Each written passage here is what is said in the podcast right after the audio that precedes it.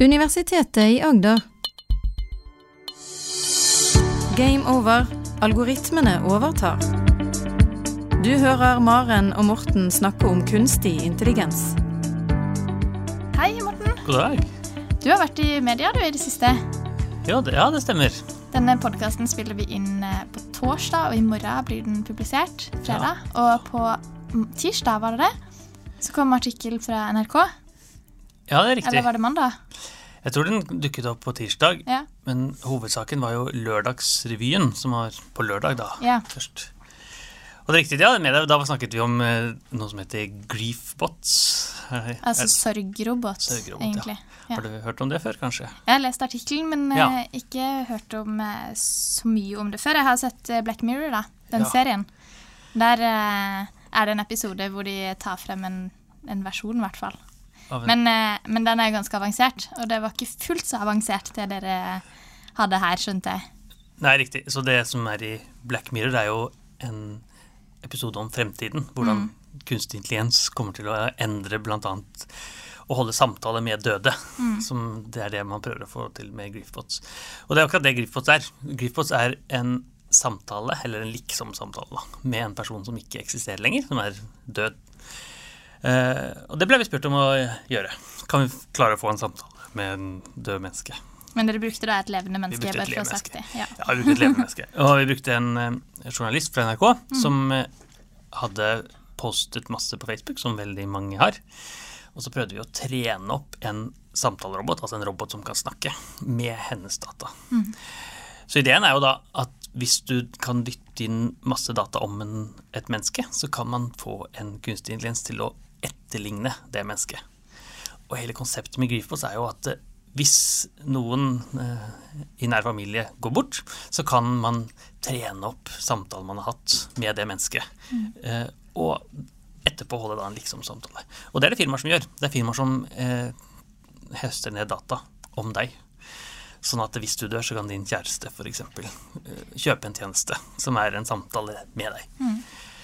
Og der er det etiske utfordringer eh, med, som vi kan komme litt tilbake til. Men eh, ja, helt riktig, akkurat det vi gjorde. Vi trente opp med Facebook-data, Facebook-postinger, til en eh, NRK-journalist. Vi fikk tilgang til alle hennes postinger. Men så skjønte jeg at eh, når du sier postinger, så mener du da det som er, eh, er semi... Eh, nei, eh, heter det det? Eh, ja. offentlig, ja. Ja, helt riktig. Så, Eh, så ikke alle samtalene hos sine med andre på Facebook, f.eks. Ja, det er helt riktig. Så kanskje der det ligger mest data i form av tekst, har dere ikke tatt med. Ja, og det er jo en god grunn til det. Så Mm. for man holder jo samtaler på Facebook med Messenger, er der Ja. man holder samtaler. Og der er det to parter. Det er jo både hun journalisten Mm. og den hun snakker med. Eh, Og i så fall skulle man jo hatt samtykke både fra hun selv, som man hadde samtykke fra, men også den man snakker med. Og det hadde blitt veldig mange. Det har blitt veldig mange. Ja. Og så ofte så er det jo litt eh, mer personlig man snakker om. Ja. Det kan være alt mulig rart fra eh, mellom kollegaer eller mellom kjærester, Mm. type ting da, som man kanskje ikke har lyst til å offentliggjøre på den måten. Så det gjorde vi ikke. Vi tok bare det som var offentlig. Og det betyr at det hun har skrevet på sin vegg, og, og, Kommentert på bilder. kommentert på bilder Ja. og så videre. Og det bøy på noen utfordringer. Det var klart det var en utfordring, for det, flere utfordringer var der at hun hadde jo brukt Facebook siden hun var 14 eller noe sånt. Eh, Og hun har jo blitt voksen siden hun var 14. Så hun oppfører seg veldig annerledes eh, nå enn da hun var 14, naturlig nok, for Ja. hun er jo noen og tyve. Og da er det eh, Og det den roboten lærte i samtaler, det var jo at den klarte å Den plukka opp de generelle trendene i samtalen. Så i begynnelsen så sa den bare ting som 'gratulerer med dagen', 'happy birthday' osv.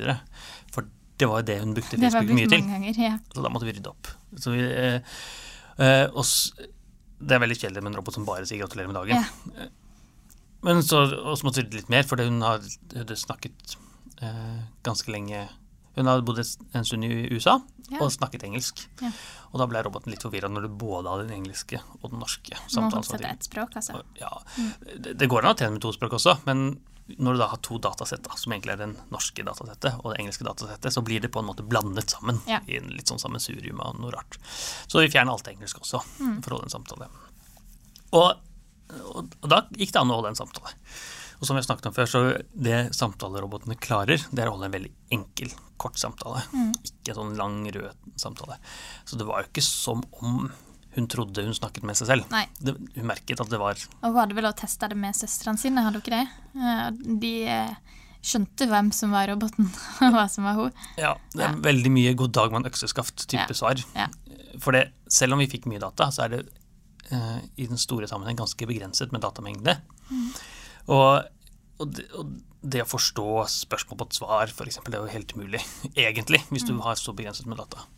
Og når de da spurte om politiske ting, f.eks., som hun aldri har postet om eh, på Facebook, så eh, klarer ikke roboten å plukke opp det, for den informasjonen ligger ikke der. Nei. Så det er mer sånne ting som hva skal du gjøre i helgen? Ja. Skal vi på fest? Den typen, det kan du holde samtale med, da. Ja, det klarte han å svare på. Det klarte han å svare på, for det er det som ligger der.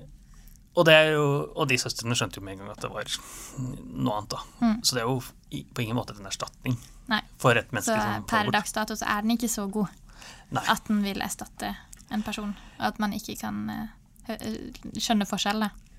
Nei, det er helt klart ikke en erstatning for ekte mennesker. Og, og, vi, og det er flere grunner for det. Og hvis vi hadde klart det, da, så hadde vi bestått det som vi har nevnt så vidt før, som vi sikkert skal snakke om i en annen podkast, som heter Turing-testen. Ja. Og hvis vi hadde klart å lurt folk til å tro at det var et ekte menneske med vår robot, så hadde vi bestått en av de store gullkalvene innen kunstig intelligens. Den store utfordringen innen kunstig intelligens er å få roboter til å snakke som ekte mennesker. Ja. Og det er det ingen som har fått til. Mange har prøvd mye, men ingen har fått det egentlig til. Så å ha ambisjonen at vi klarer det, er jo helt umulig. På Ja. to uker eller hva det var med data. Og med den begrensede datamengden de har gjort det. Men det betyr ikke at det ikke kan være nytte. For det, en sånn eh, samtalerobot kan jo, hjelpe, kan jo potensielt hjelpe til i en sørgprosess, f.eks. Eh, og sånn sett er det jo ikke, etter min mening, prinsipielt forskjellig fra å ha et bilde av et eh, dødt menneske. Men et annet type bilde. Ja. Så eh, fotografi er også en teknologi. Det er bare en teknologi som jeg er så vant til. Å ha et bilde av eh, eh, kona som har gått bort, f.eks. veldig vanlig, skulle jeg tro. Men det å ha en robot som snakker som kona, det er en, en annen ja, det er et veldig stort steg for de som ikke har reflektert så mye om, over det. Eh, og også, jeg syns jo det høres veldig voldsomt ut å kunne snakke med noen som egentlig har gått bort. Eh, det høres eh, kanskje mye mer ekte ut enn et bilde. Jeg vet ikke, at eh, stemmen har liksom Hvis du da får samme stemme òg, f.eks., Ja. så vil det jo være Kan holde en telefonsamtale med ja, man kan jo få til samme stemmen også, hvis man hadde jobbet enda mer. Da. Ja. Og ja, jeg er helt enig i at det er, det er forskjell på det å holde en samtale og se på et bilde. Så er det jo litt sånn etisk, men blir man da ferdig med sorgen, eller tror man Klarer man å overbevise seg selv om at personen fortsatt lever, f.eks.? For eksempel? Ja. Fordi man kan jo høre personen. Og, og det er jo sterkere å se en film, f.eks., Ja. av en person, enn å høre stemmen. Det er klart, et bilde er jo tatt i en spesiell sammenheng. En, uh, dette er jo ting som blir litt oppdikta etter Ja. hva du spør om. Og du får jo ikke et fotografi etter som du sier til en person som har gått bort, eh, at det er smil. Det er ikke, Nei, helt helt du får klart. ikke bildene på nytt, men du får da samtalene på nytt. Mm. Og det er jo litt spesielt. Det er absolutt litt spesielt, men det er ikke noe mer levende. Nei, men det føles nok mer levende. Det kan godt hende det føles mer levende. For det er klart det føles jo mer spontant og mer i nuet Ja, enn for eksempel, eller enn noen som er tatt på forhånd. Du kan jo spille inn en stemme på forhånd òg. ja. Og det er klart spille av stemmen til noen som har gått bort i ettertid. Men da vil det likevel være tatt opp tidligere, Ja. på samme måte som et fotografi. Mens dette lages jo her og nå. Ja, du har helt rett. Så, og det er vesensforskjell på det. For. Mm. de lages her og nå, men det er, det er samtidig en, et opptak av hvordan personen var. Eh, men i en mye mer interaktiv setting. Ja. Og de som ikke har helt forståelse for teknologien, kan godt misforstå de to tingene og tro at det er en ekte person. Mm. Og det er jo den store etiske utfordringen utfordringen her. Fordi man på en måte lurer folk til å tro at her snakker du med et dødt menneske. Og det gjør man overhodet ikke. Og man er jo i en veldig sårbar situasjon Ja, eh, i utgangspunktet når, eh, når noe sånt skjer. Så eh, Så så det er etiske utfordringer med Ja. Mm. firmaene som selger data, eller selger tjenester som basert på dess, eh, folk som har gått bort. Mm. Men etter min mening så er det ikke etisk utfordring å tjene penger på døde mennesker. Det skjer hele tiden. Begravelsesbyråer gjør det samme. Det er bare at eh, det er en helt annen type teknologi som gjør nå. Mm. Og det man må tenke på er at det er en teknologi som, eh, som er i en sped begynnelse, og det er veldig annerledes enn det å holde ekte samtaler med ekte mennesker. Det er nytt, og derfor er det litt sånn ekkelt. Men når, når du stiller et spørsmål, så kan du stille nye spørsmål? Eller må du stille spørsmål som allerede er spurt? Ja, du kan hele tiden stille nye spørsmål, Ja. så sånn sett kan du holde en samtale. Så det vil jo være en ny samtale, på en måte. da. Det er ikke noe som er sagt før, nødvendigvis. Ja, er det er ikke sagt før, men det er lært før. Så den vil lære sine trender. da. Mm. Så, så det betyr at hvis du spør roboten om noe helt nytt som du aldri har spurt eh, det ekte mennesket om, Mm. så vil den, vil den prøve å svare, men det vil være sånn god dag, mann, økseskaft-type svar. da, Ja. For den ligger ikke der. Mm. Og, eh, og jeg påstår ikke at dette vil på noen måte eh, være en hjelp i sorgprosessen. Jeg tror ikke det kan være så lurt engang. Det må man Nei, spørre en kanskje det kan ha motsatt effekt. eh, det må man spørre en sorgforsker Ja, om, tenker jeg. Eh, men, men at eh, det er en teknologi på samme måte som det er å, å se på en film. Det er bare Mm. en veldig mye mer avansert teknologi, kan du si. Ja, og mer i nåtida. Og mer i nåtiden. Ja. Eh, Det er jo som at man skulle finne på en film ja. eh, om en person som man filmer etter at har gått bort, men ser levende ut. ja. Så det vil jo være en helt eh, Det er noe helt annet. Og det, Ja. og det, men og en av grunnene til at det fungerer her, er at man har det, det som kalles bekreftelsesbias, bekreftelsesfeil. Mm. Og det er jo det man ser med, med spåkoner og de som snakker med engler osv. Det er en bekreftelsesfeil. Det- og det betyr egentlig at når man sitter og ser etter eh, noe, og får en inntrykk av at det ligner, så eh, tar man det til inntekt på at det fungerer. Så når man snakker med et menneske som eh, man som er gått bort, og så ser man ja, dette ligner veldig på den personen, så får man en forståelse om at ja, ja, det fungerer veldig, veldig godt. Eh, og det er litt på samme måte som når man på på Facebook får reklame for noe som man akkurat har snakket om, så er det en veldig god kunstig intelligens som prøver å predikere hva du kommer til å like. Eh, og så tror folk, eller noen tror, at Facebook overvåker samtalen din fordi du har snakket om det tidligere. Men det er bare kunstig intelligens som klarer å skjønne deg veldig, veldig godt. Eh, og det, det er litt det samme her. Fordi man sitter og venter på å få noe til, og så fungerer det sånn nesten, ikke sånn perfekt, men nesten. Og da eh, er folk i en veldig sårbar posisjon som gjør at de tenker ja, dette fungerer veldig veldig godt. Og da, blir, da får man en ekstra styrke til å tro på at noe egentlig er det, som ikke egentlig er en teknologi som fungerer på den nivået. Og den, det får man ikke fra et bilde eller får man fra video, fordi vi kjenner den teknologien så godt. Alle har sett en video av noe. Eh, og, og, og det har jo skjedd i skjedd gjennom alle tider, egentlig. Og det er jo veldig, noen veldig kjente eksempler fra da fotografiet kom eh, før. Så er det en, som heter William Mumler, som tok, tok bilder av folk. Og han tok bilde av bl.a. Lincoln. Og så dobbelteksponerte han bildet, sånn at han tok et bilde av en ny person etterpå. Og da blir jo Lincoln stående i bakgrunnen, eh, nesten som et gjenferd. Eh, og så sa han at det har er tatt bilde av gjenferd. Og så, og så har folk en bekreftelsesbias igjen. De tenker ja, ja, så dette er avanserte kamera som jeg egentlig ikke skjønner. Det er en ny teknologi, det er kjempeavansert osv. Mm. Nå du klarer å ta bilde av gjenferd også. Ja. Så i dag så, så, så kan vi le av det, for det, vi skjønner at det går ikke an med kamera. Eh, men på den tiden så ble, han tjente masse penger på å lure folk på den måten. Eh, og tok bilde av bilder av folk, og så dobbelteksponere det, og så selge inn som gjenferd. Og det er litt det samme nå. Det er ikke det at man, eh, man tar opp samtale med eh, mennesker, og så selger man det inn som en samtale med et ekte menneske. Og Nei. det er det ikke. Nei. Og det er en teknologi som vi kanskje ikke forstår helt, eller mange forstår den ikke helt, hvor begrenset den egentlig er. Eh, og kanskje kan det hjelpe litt med sørgeprosessen, kanskje kan det være helt feil, fordi man skal uh, eh, avslutte en sånn prosess, skulle jeg tro da. Og det er mange som vet Også bedre hvorfor kommer man aldri ut av det. Kanskje man aldri kommer ut av det. Det er det mange som vet mye bedre enn meg. Så det vi ble spurt om, var jo bare å lage roboten. Ja, for å få den til å snakke. og jeg, jeg tror kanskje, hvis Gud forbi noen av mine går bort, så ville jeg jo aldri trent opp en robot på Nei. den måten. Nei. For det er en falskt uh, måte å holde en samtale på, Ja. tenker jeg. Eh, Skulle jeg tro, da. Nå vet jeg ikke hvis kan, kan man jo ta det steget videre òg. Eh, hvis man tenker eh, sånn som vi snakker om da med film, Ja. så kan vi jo si at nei, det går ikke å lage film av noen som Men det gjør jo faktisk det. ja, det gjør det faktisk. Eh, med å lage film av noen, hvis vi da hadde sammenkobla disse dataene med bilder Ja. og med film, eh, så kan man jo lage ganske ekte ekte-lignende film som ikke egentlig er ekte, eller algoritmer kan lage. Og det er jo eh, Ja, det er jo en, en eh, litt skummel utvikling. enda mer spennende. Og da er vi inne i de kreative algoritmene som vi tror vi skal snakke om Det skal vi snakke om litt senere, ja. Ja, neste uke og neste, flere episoder, tror jeg. Ja. Men du har helt rett. Og det er det teknologien Det vi ser med teknologien, at den hele tiden blir bedre. Eh, og for eh, vi som er så inne, vi blir også overrasket over hvor godt ting fungerer, og hvor realistisk man klarer å lage bilder av personer som ikke eksisterer. Ja, for det er jo vanskelig å vite da, hva som er ekte, og hva som ikke er ekte. Og eh, også da i samtaler. En ting er jo noen som har gått bort, men hvis eh, Trump plutselig ringer deg Ja, ja. og eh, spør deg om noe, eller eh, gir deg en, eh, en oppgave, så kan jo det faktisk være en algoritme Ja. som ringer og høres ut som Trump, og snakker på samme måte, og har fått alle dataene. Det kan det absolutt være.